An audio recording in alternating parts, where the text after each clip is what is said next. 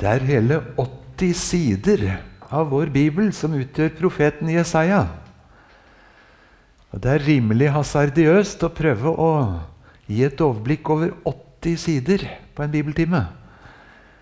Dere skjønner at da er det veldig mye som vi må dessverre legge til side.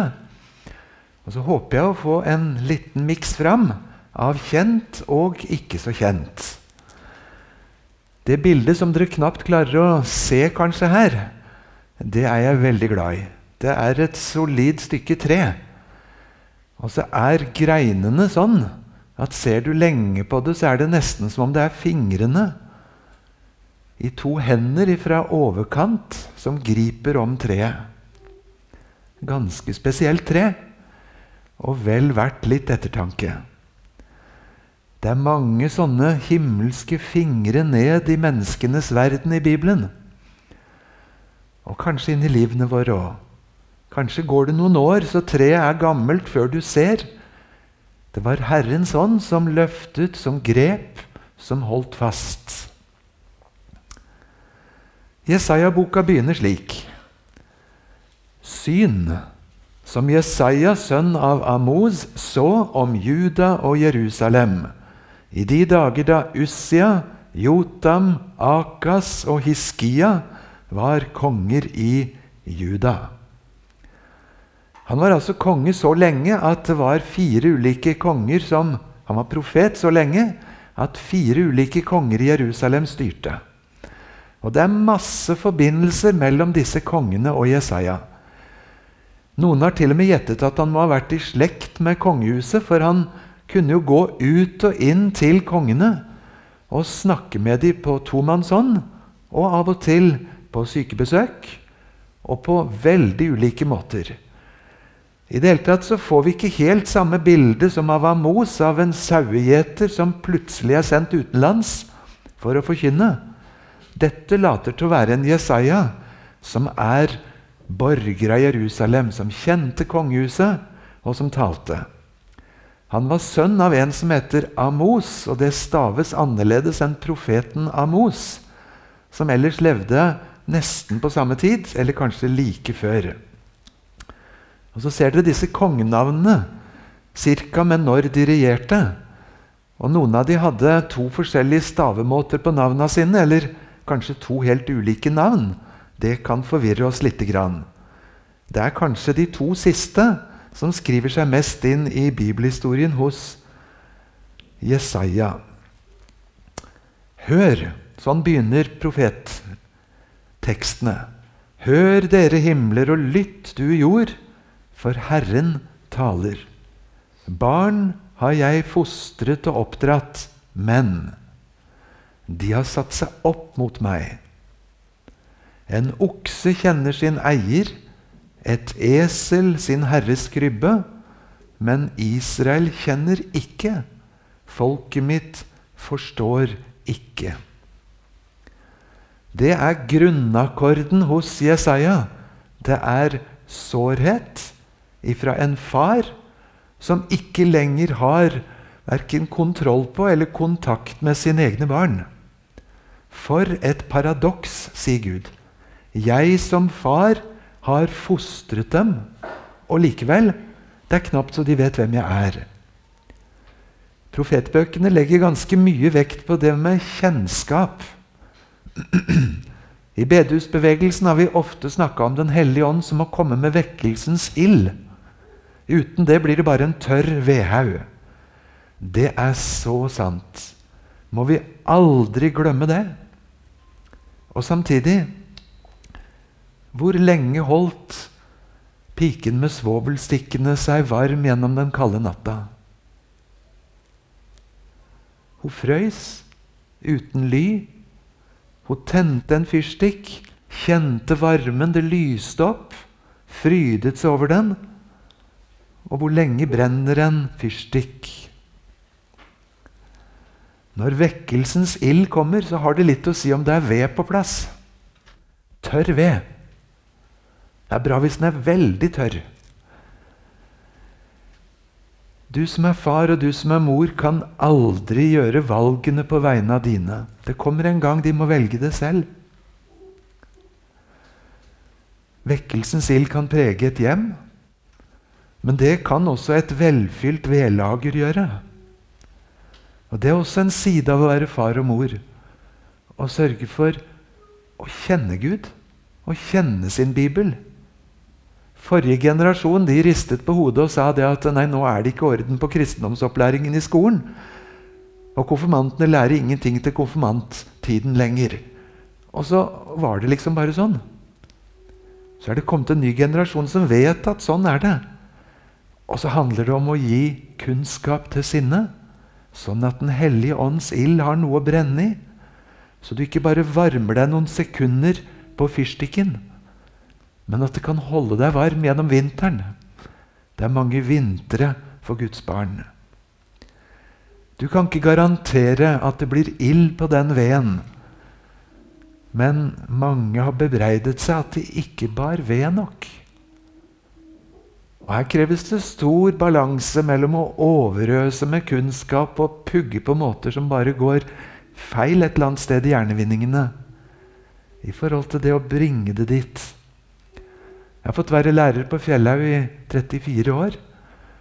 Alle rundt meg sier at bibelkunnskapen går så ned, og det tror jeg også den gjør. Men av de som kommer til Fjellhaug, syns ikke jeg det er stor forandring.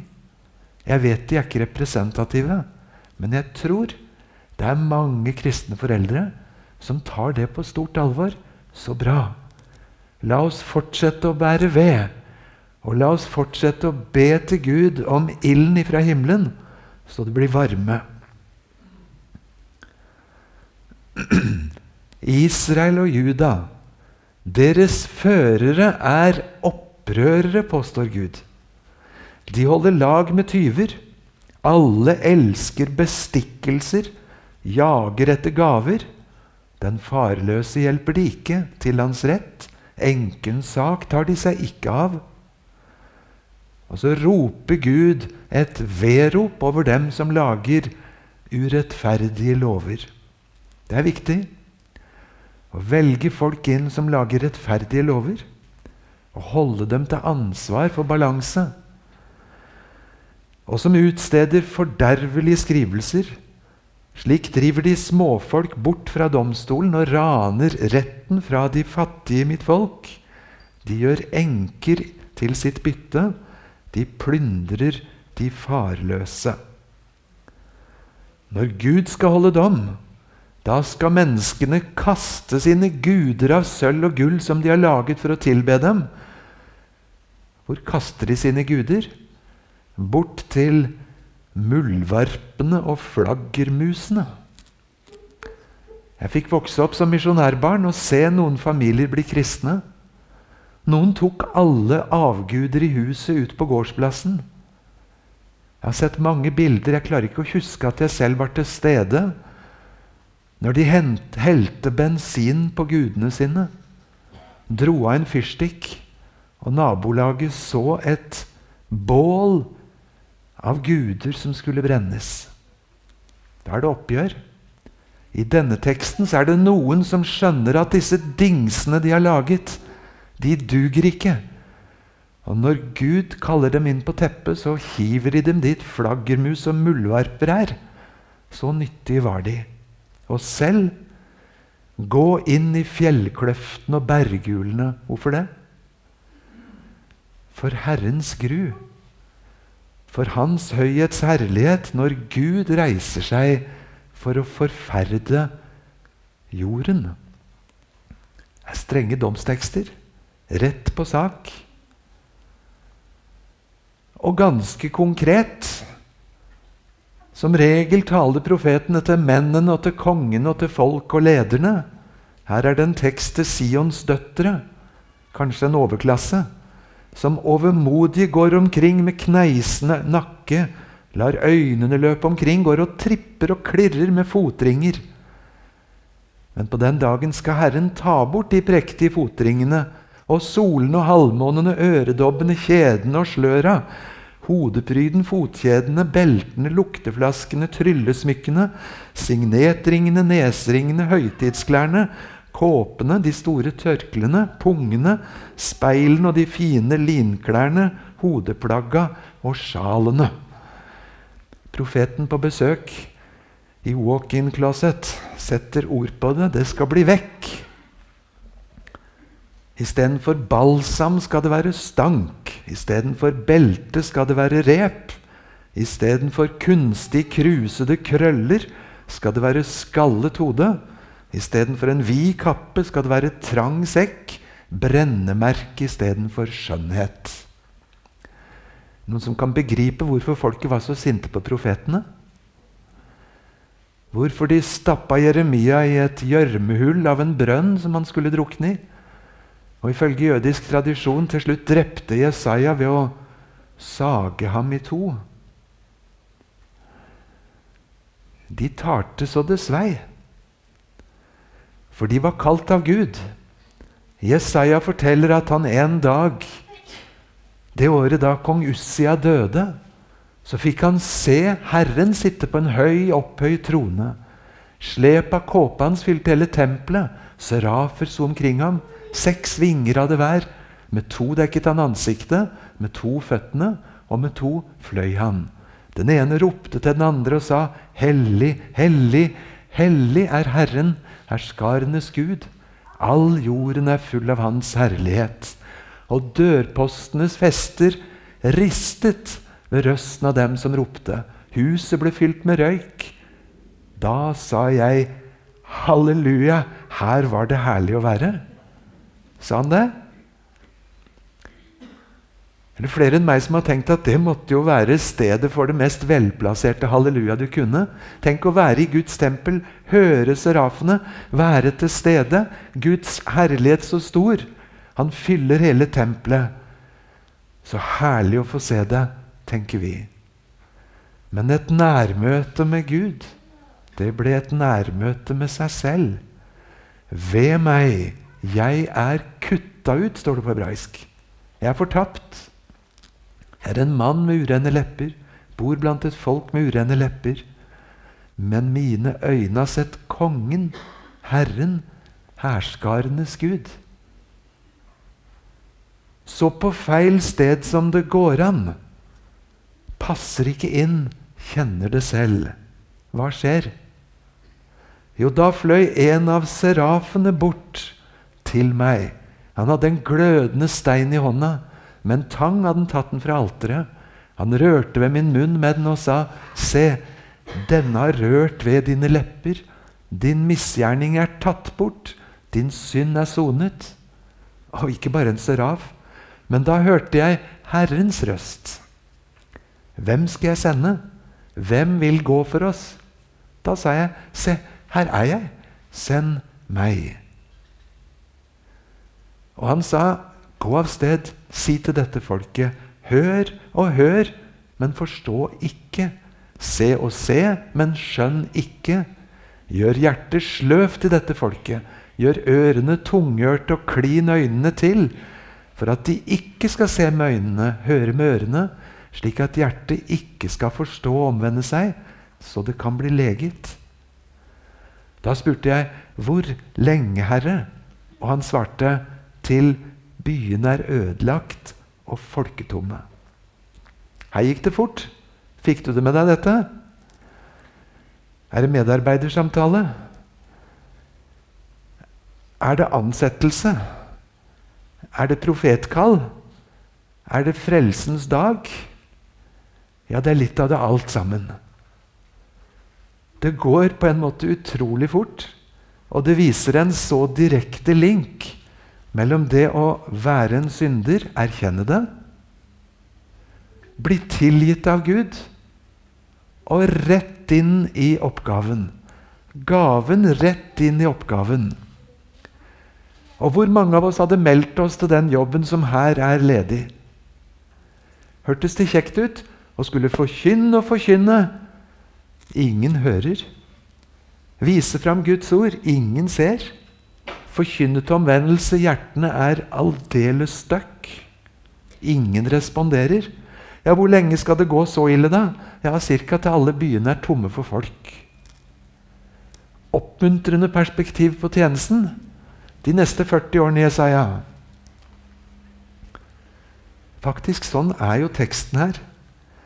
Og Dere ville vel knapt tro at jeg snakker sant, men det som står i grønt her om hvor ille det skal gå i tjenesten, det er det verset fra Det gamle testamentet som er sitert flest ganger i Nytestamentet. Var det oppmuntrende? Cirka sånn som her. Både i Matteus, Markus og Lukas så leser vi at når Jesus forklarte lignelsene, så sa han lignelsene er der for å forkynne for folk, så de ikke hører, ikke skjønner, ikke omvender seg. Og når Paulus sitter i Roma i husarrest i tre år mot slutten av livet og forkynte for sine landsmenn, så ville de ikke høre. Og så sier han ja, sånn oppfylles Jesajas ord. Og jammen er det sånn Johannes-evangeliet et sted òg, hvor Jesus oppsummerer mangelen på respons og sier slik ble Jesaja oppfylt. Så hvis vi tenker oss at å være profet med de kraftfulle ordene måtte jo være fantastisk, så smak litt på disse ordene. Jesus gjør dem til sine, Paulus gjør dem til sine. Det forteller oss at det skjer noe der Guds ord forkynnes. Enten så tas det imot til tro og frelse, eller så avvises det, og folk kommer nesten lenger vekk enda de møtte Gud. Det er ikke likegyldig å møte Gud. Det er som om Gud selv formaner gjennom oss vi ber dere på Kristi vegne, la dere forsone med Gud. Hvem er lille jeg? Lille jeg som føler på avmakt. Jeg har fullmakt fra Han som har all makt. Og så er det som lille jeg formaner dere i Kristi sted. Wow!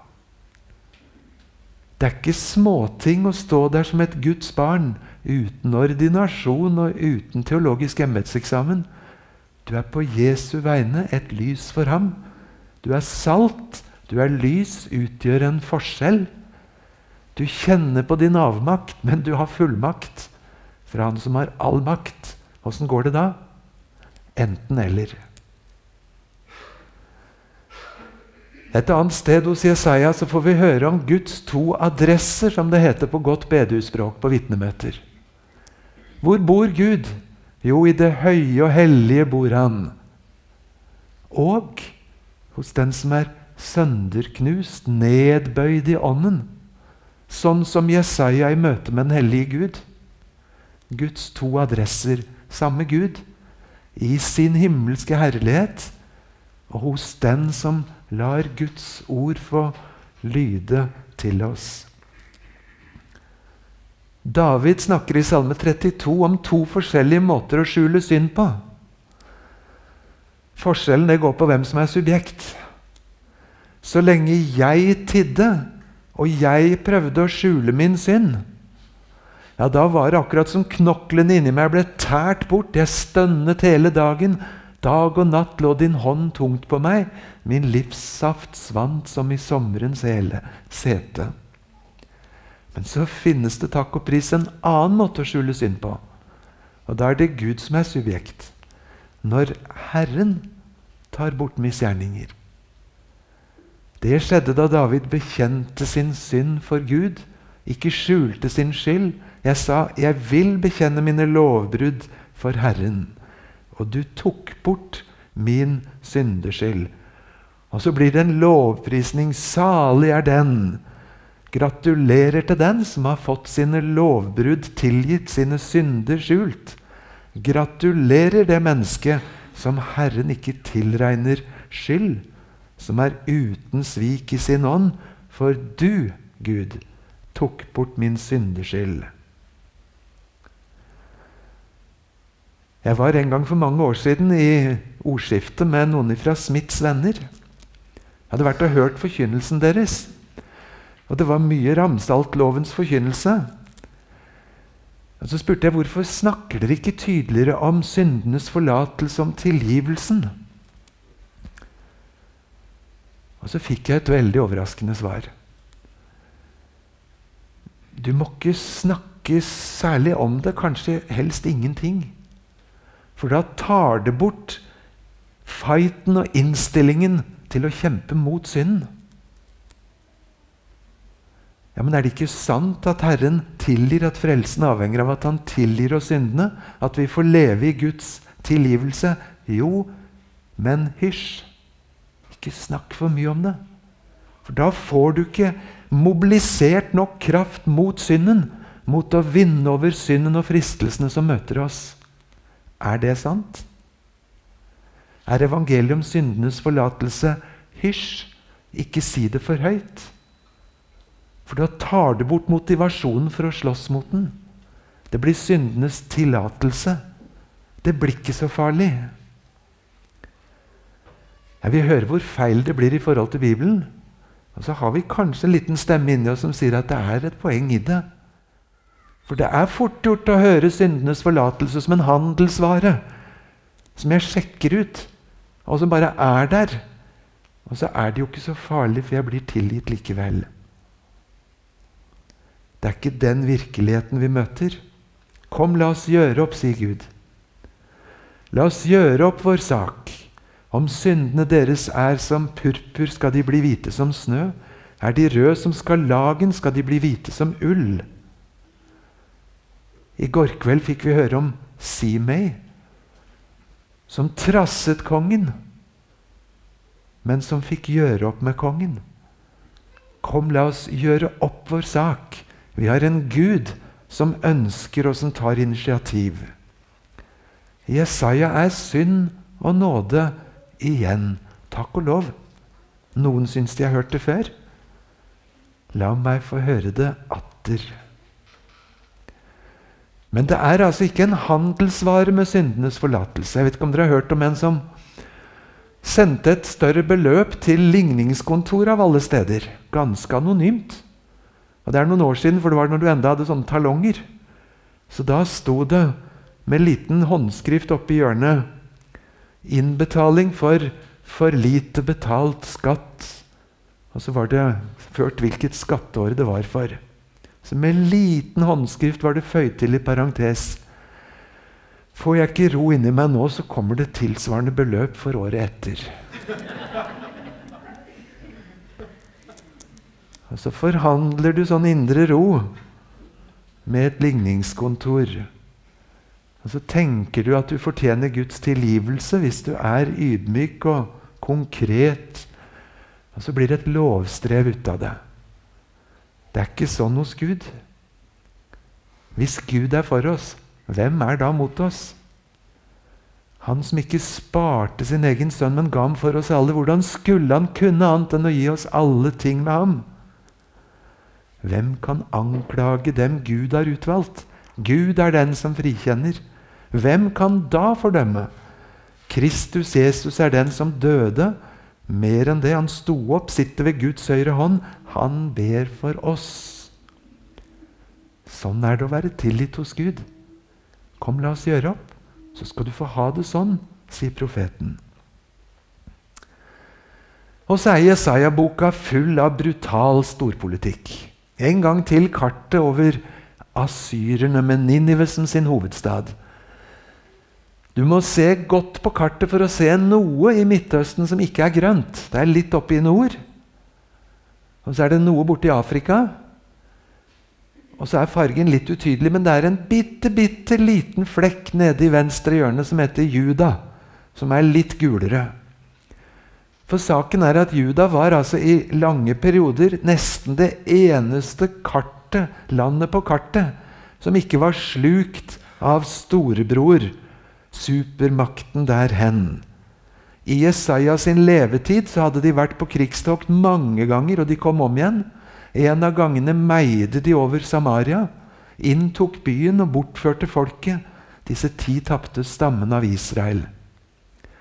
I denne storpolitiske situasjonen så går Jesaja ut og inn av kongens palass, hvor han rådslår med ambassadører fra andre lilleputtstater. Skal vi lage et Nato? Skal vi lage et forsvarsforbund? Skal vi lage noe som kan stå imot supermaktene? Og Så samler lilleputtstatene seg og ville de tvinge fram en allianse. Vi skal klare å stå mot Asyria når vi står samlet. I en sånn nervøs situasjon, når asyrerne er like i nærheten, så tripper kong Akas rundt i områdene rundt Jerusalem og inspiserer vannledninger, omtrent som vannsjefen i Kviteseid gjorde her i går. Men her er bekymringen større enn en sommerleir. Et helt land, strupetak, ingen tilgang til matreserver, ikke komme ut og finne vann. Jerusalem ligger på en høyde. Ingen vannkilder sånn umiddelbart. Hva nå? Gå og snakk med han, sier Gud til Jesaja. Og så går Jesaja og snakker til han og sier at Gud skal forsvare deg. Og du skal få lov til å be om et tegn. Be om et tegn høyt der oppe på himmelen eller her på jorden. Som en bekreftelse på at Gud går med deg. Og Så ser det ut til at Akas skulle være den veldig fromme. Og nei, jeg vil ikke be om noe tegn og friste Herren. Kanskje var det det at han våget ikke å stole på at han skulle blande Gud opp i dette i det hele tatt. Best å sjekke vannforsyningene. Og sende noen ilbud til nabostatene. Kanskje en ambassadør helt til Egypt. Så kan Egypt komme med sine ressurser og berge oss. Og Så sier profeten.: Hør da, dere av Davids hus, er det for lite for dere å trette med mennesker, siden dere også tretter med Gud? Derfor skal Herren selv gi dere tegn. Se, jomfruen skal bli med barn. Hun skal føde en sønn og gi ham navnet Immanuel. Og før guttungen rekker å vokse opp og kunne skjelne surt og søtt i melkeskåla, så skal hele det problemet du er redd for med asyrerne, være borte. Hørte du en Messias-profeti? Engelen som kommer til Josef og som kommer til Maria, og varsler den lille babyen Jesus, som skal fødes av en jomfru. Visste du at denne Messias-profetien kom i en sånn lettere kaotisk, rotete, hektisk krigssituasjon? Og Leser du teksten nøye, hvem var den jomfruen som skulle føde barn? Hun er ikke introdusert. Ganske gåtefullt hvordan Gud kan plassere en Messias-profeti et sted hvor du ikke skjønner det. Skal jeg få ta en enkel sammenligning? En kunstner som skal lage et megastort, flott bilde i mosaikk, og som har håndverkere med seg som skal feste små mosaikksteiner på veggen. Du skal ta den fargen i rute loddrett 137, vannrett 753 og plassere den der. Og Så skal du ta en fargekode sånn av en stein og plassere ved siden av. Jeg begriper ikke hva denne kunstneren driver med. Og så er bildet utydelig. Og så jobber de likevel trofast sammen med kunstneren. Og så kommer det flere steiner, og du begynner å ane mønsteret av noen greiner og noen blader. Og så fortsetter du enda mer og ser en kontrastfarge i gråblått. Og så tar du et skritt tilbake og ser på enda flere steiner som er kommet, så aner du konturen av en hånd. Og kanskje et menneske. Og så ser du hele bildet til slutt.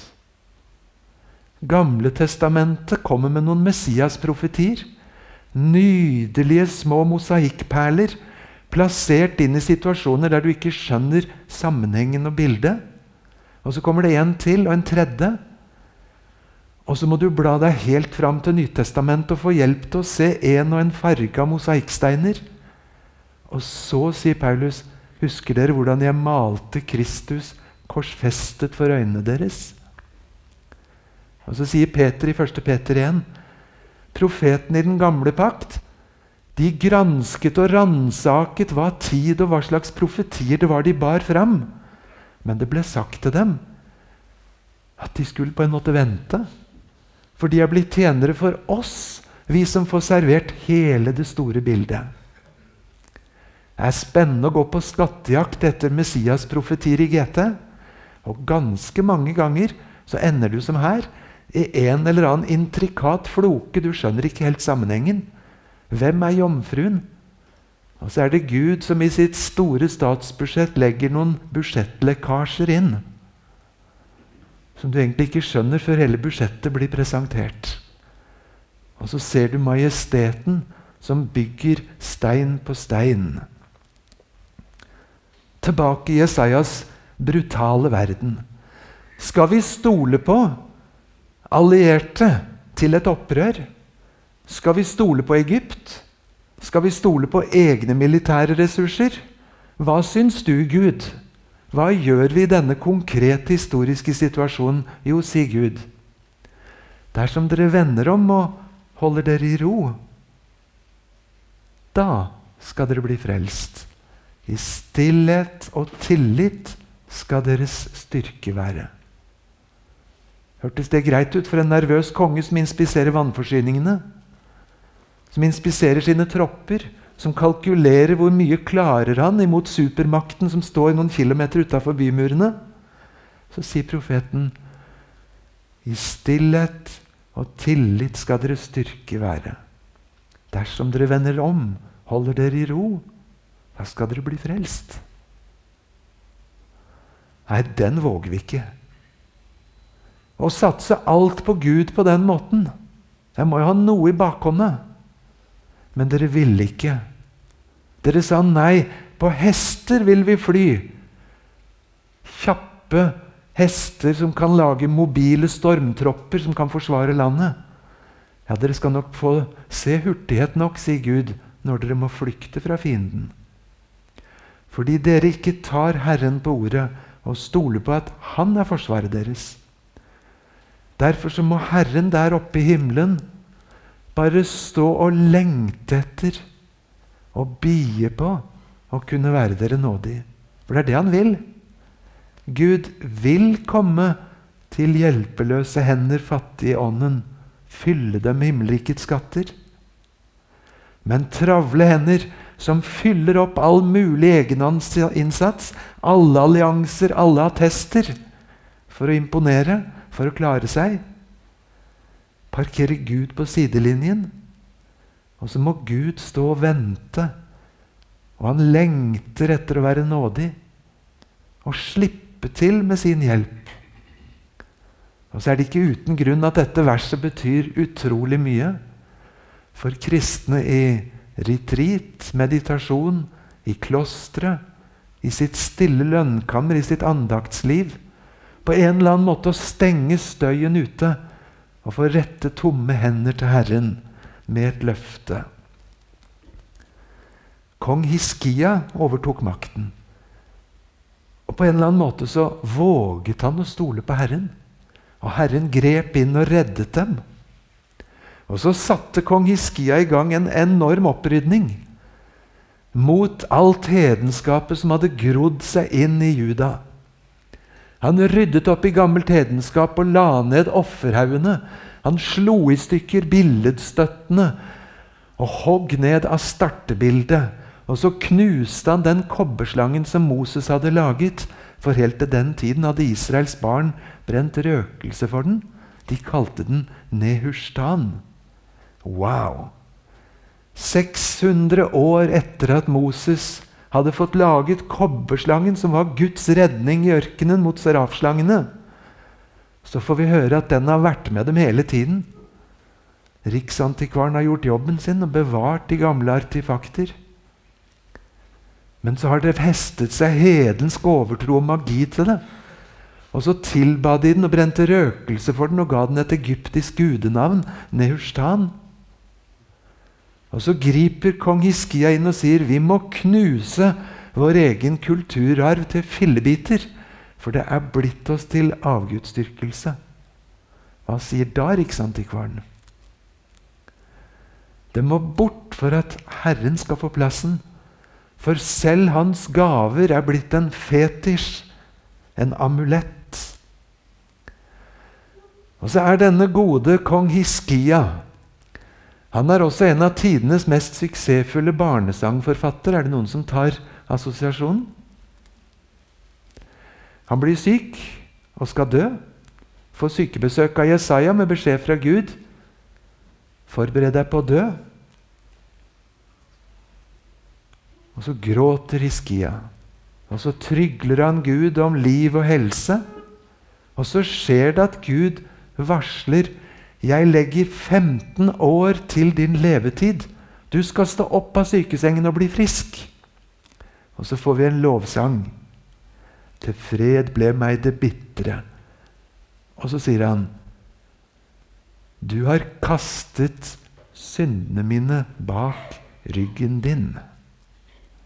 Og så ble han en suksessfull barnesangforfatter 2500 år senere. Så det vokser fram av bibelhistorie, det vi kjenner bare herfra og derfra, kanskje. Messias' profetier, som vi hører ikke minst rundt advent og jul. Et barn er oss født, en sønn er oss gitt, herredømme er på hans skulder. Eller fra Jesaja 11.: En kvist skal skyte fram fra Isais stubb. Fra hans røtter skal det bære frukt. Og så er Jesaja den profeten som gir oss en mengde Messias-profetier. Han skal bli så stor at han redder hele folket sitt ifra nøden og elendigheten. Ikke bare hele folket sitt. Det ville ikke være lite, men det er for lite. Nå sier Herren, som fra mors liv dannet meg, altså Messias, til sin tjener, for å føre Jakob tilbake til ham og samle hele Israel til ham. Wow, for en stor Messias-gjerning! Han sier, 'Det er for lite'. At du gjenreiser min tjener, at du er tjener til å gjenreise Jakobs stammer og føre den frelste rest av Israel tilbake så vil jeg da gjøre deg til et lys for hedningefolkene, for at min frelse må nå til jordens ender. Konger skal se det. Hører du hva det står? Når folk er nede for telling, og de er bortført, ti av tolv stammer, og de er omringet, og det er en lilleputt-stat som et liten blekkflekk på kartet, så sier Gud, du skal gjenreise hele Israel og Davids rike Wow! Ja, men det blir for lite. Det er ikke lite, men det er for lite for Gud. For det er noen andre folk rundt. Dem også skal du være et lys for. En klassisk fjellhaugskikkelse som het Øyvind Andersen, han talte på Sunnmøre Indremisjon sitt årsmøte over den teksten. Og forklarte forsamlingen ganske tydelig at indremisjon det er ikke lite, men det er altfor lite. Det er så altfor lite for Guds målestokk. For hva med hedningene? Og Så malte han det ut så de husker det enda noen eldre mennesker. Indremisjon uten ytremisjon det ender rett og slett med å bli omtrent som en sånn gytjedam der det gror rumpetroll og sleipt grønt av alger. Sånn er det hvis det ikke renner noe gjennom. Han blir ikke invitert mer til det årsmøtet, etter det jeg har hørt. Vi kan smile litt, altså. Jeg forteller det for å sjokkere meg sjøl og litt deg. Om du og jeg kunne oppnå noe så fantastisk som at hele vårt hus ble frelst Hele slekta, hele nabolaget, hele bygda vår, hele byen, hele Oslo ble frelst. Det var ikke lite. Men det er for lite for Gud. Derfor gjør jeg Messias til et lys også for hedningefolkene. Og så skal det komme en dag, i de siste dager, da skal fjellet der Herrens hus står, være grunnfestet på toppen av fjellene, hevet over alle høyder. Alle hedningefolk skal strømme til det. Mange folkeslag skal gå av sted og si, 'Kom, la oss gå opp til Herrens berg'. Nesten samme profeti hos Mika, som levde på samme tid, også i Jerusalem. Det skal skje en frelsestid også fra hedningene rundt denne Messias. Det er ikke lite å gjenreise sitt hjemland og sitt hjemfolk, landsmennene. Men det er for lite, for Guds hjerte er større. Og Så kommer denne fantastiske Messias-profetien om vikaren. Om han som ikke vi skjønte oss på, står det i teksten. Vi tenkte han var plaget av Gud og slått. Vi trodde ikke budskapet hans, for han hadde ikke noe vakkert ytre. Vi så på han som ensom, syk, forlatt. Vi regnet ham til og med som gudsforlatt. Han var elendig og led i stillhet og ble drept, ble han. Han ble regnet blant overtredere. Men nå begynner vi å ane at det var våre sykdommer han bar. Han ble straffet istedenfor oss. Han gir oss fred og legedom. Det var Gud som lot våres alles misgjerninger ramme ham, enda han aldri gjorde urett. Tenk, det behaget Gud å knuse ham. Han ga livet sitt som soning og skyldoffer og gjør dem rettferdige som kjenner ham. Det er mange måter å lese Jesaja 53 på, men en av dem er denne. Før trodde vi sånn om han, men nå innser vi. Og så hører du sårheten. At vi kunne ta så feil. Han som var vår vikar, som tok vår greie på seg, så skjønte vi det ikke. Står det rett og slett at 'det behaget Herren å knuse ham'? Hva slags Gud er det vi bekjenner? Behaget det Gud å knuse sønnen sin? Det står ikke at det var behagelig for Gud. Hvordan kunne det behage Gud å knuse sin egen uskyldige sønn for oss? Et svar finner jeg i Lukas 12, 32. Frykt ikke du På gresk står det 'du mikro saueflokk'. Det er oss, det. De hellige samfunn, vi er sauer. Men du lille saueflokk som er helt mikro i forhold til alle som ikke vil tro. Du skal ikke gå rundt og være redd. Hvorfor? Jo, for det behaget Gud i himmelen å gi bort Guds rike til dere. Og Nå kan vi lese det bakvendt og si fordi det behaget Gud å gi sitt rike til oss, så behaget det ham å betale prisen ved hans egen sønns død. Det var ikke behagelig. Men uttrykket 'det behaget ham', det løfter det ut av våre kalkyler. Ut av forhandlingsrommet var ikke vi som maste oss fram til en Messias. Det behaget Gud å komme oss til frelse og gi oss det. Selve stedfortredertanken har vi hørt mange ganger, enda ordet stedfortreder er ikke brukt noe sted i Bibelen. I skoleverket heter det vikar. En som kommer istedenfor han som skulle vært der. Gud hadde lært Israel helt ifra offerordningenes begynnelse. Du som har gjort noe galt, du tar med deg et offerdyr, og du tar det med deg helt til tempelet. Og så går du fram for presten, og så står du der stille foran presten og legger hendene dine på hodet til offerdyret.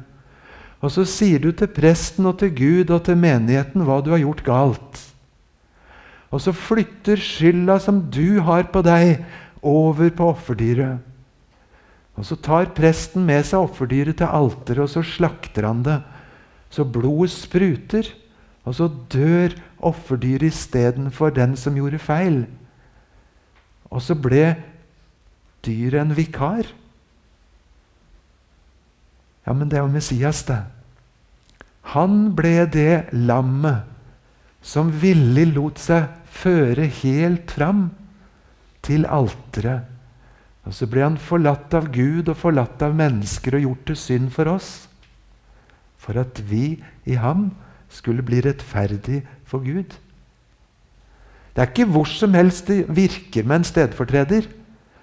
Hvis du skal opp til en stor, vanskelig eksamen og du ikke er så god i matte, men du har ei søster som er kjempesmart, så sender du henne isteden. Det er min vikar. Jeg har lært i Bibelen om en stedfortreder. Virker det? Jeg har ikke tid til å sitte i fengsel, men fetteren min har lovt å sitte istedenfor meg de tre månedene jeg skulle sone. Det går ikke, det er juks.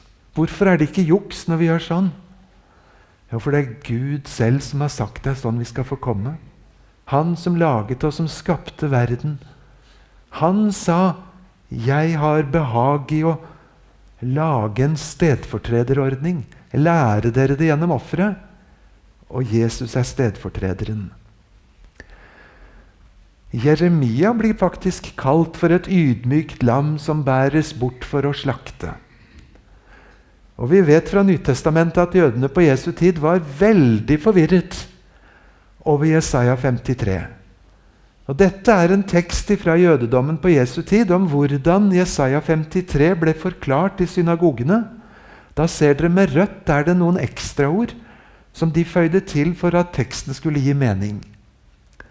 De trodde Jesaja 53 skulle forstås sånn. Da vil Han gå i forbønn for våre synder, og våre misgjerninger vil bli tilgitt for Hans skyld, idet vi blir ansett som såret, slått av Herren og plaget. Og Han vil bygge opp igjen tempelet, helligdommen, den som var vanhelliget ved våre synder og overgitt på grunn av våre misgjerninger. Ved Hans lære vil freden bli stor over oss. Når vi samler oss om Hans ord, vil våre synder bli tilgitt. Vi var alle spredt som sauer, enhver var ført i eksil på sin egen vei. Men de sterke blant folkene vil Gud overgi som et lam til å slaktes. For han vil la folkenes herredømme vike fra Israels land. Syndene som mitt folk har begått, vil han la ramme folkeslagene. Er det fint? Oppbyggelig? Altså, historietime snart slutt. Men altså, hvis du har hørt denne teksten utlagt på den måten Det er vi som lider pga. våre dumheter, og vi havna i eksil. Men en dag skal Gud straffe folkeslagene isteden, sånn at vi går fri.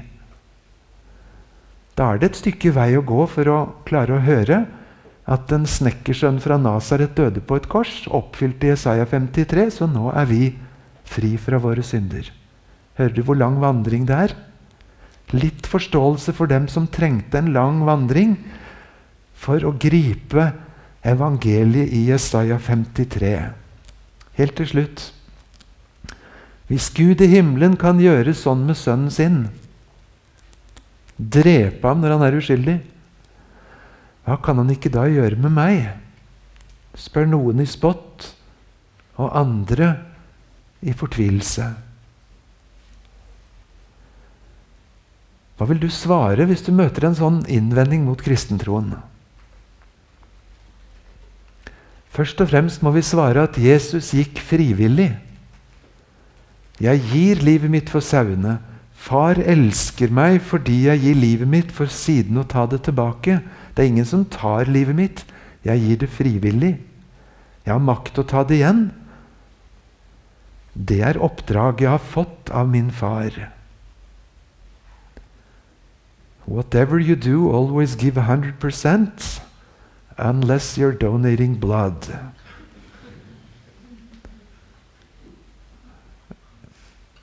mange forbehold var det hos Jesus? Jeg gir det frivillig, jeg vet hvor jeg går. Til dette er jeg kommet, nå er min time kommet.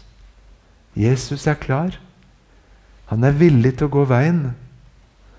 Hvordan kunne verdens beste far forlate verdens beste sønn når han trengte ham som mest? Gud forlot Jesus på korset for at han aldri skal forlate deg. Gud vendte ryggen til Jesus på korset for at Gud kunne vende ansiktet sitt mot deg. La det lyse over deg for at Gud kunne løfte sitt åsyn på deg og gi deg fred. Derfor forlot Gud Jesus på korset. Og Så er Jesaja en av de mosaikkbærerne som tok en og en smykkestein fra Guds smykkeskrin og satte på plass. Og Så tok det en stund før bildet tegnet seg av en stedfortreder som dør istedenfor oss, og som gjør oss rene, rettferdige, himmelen verdige i kraft av nåden.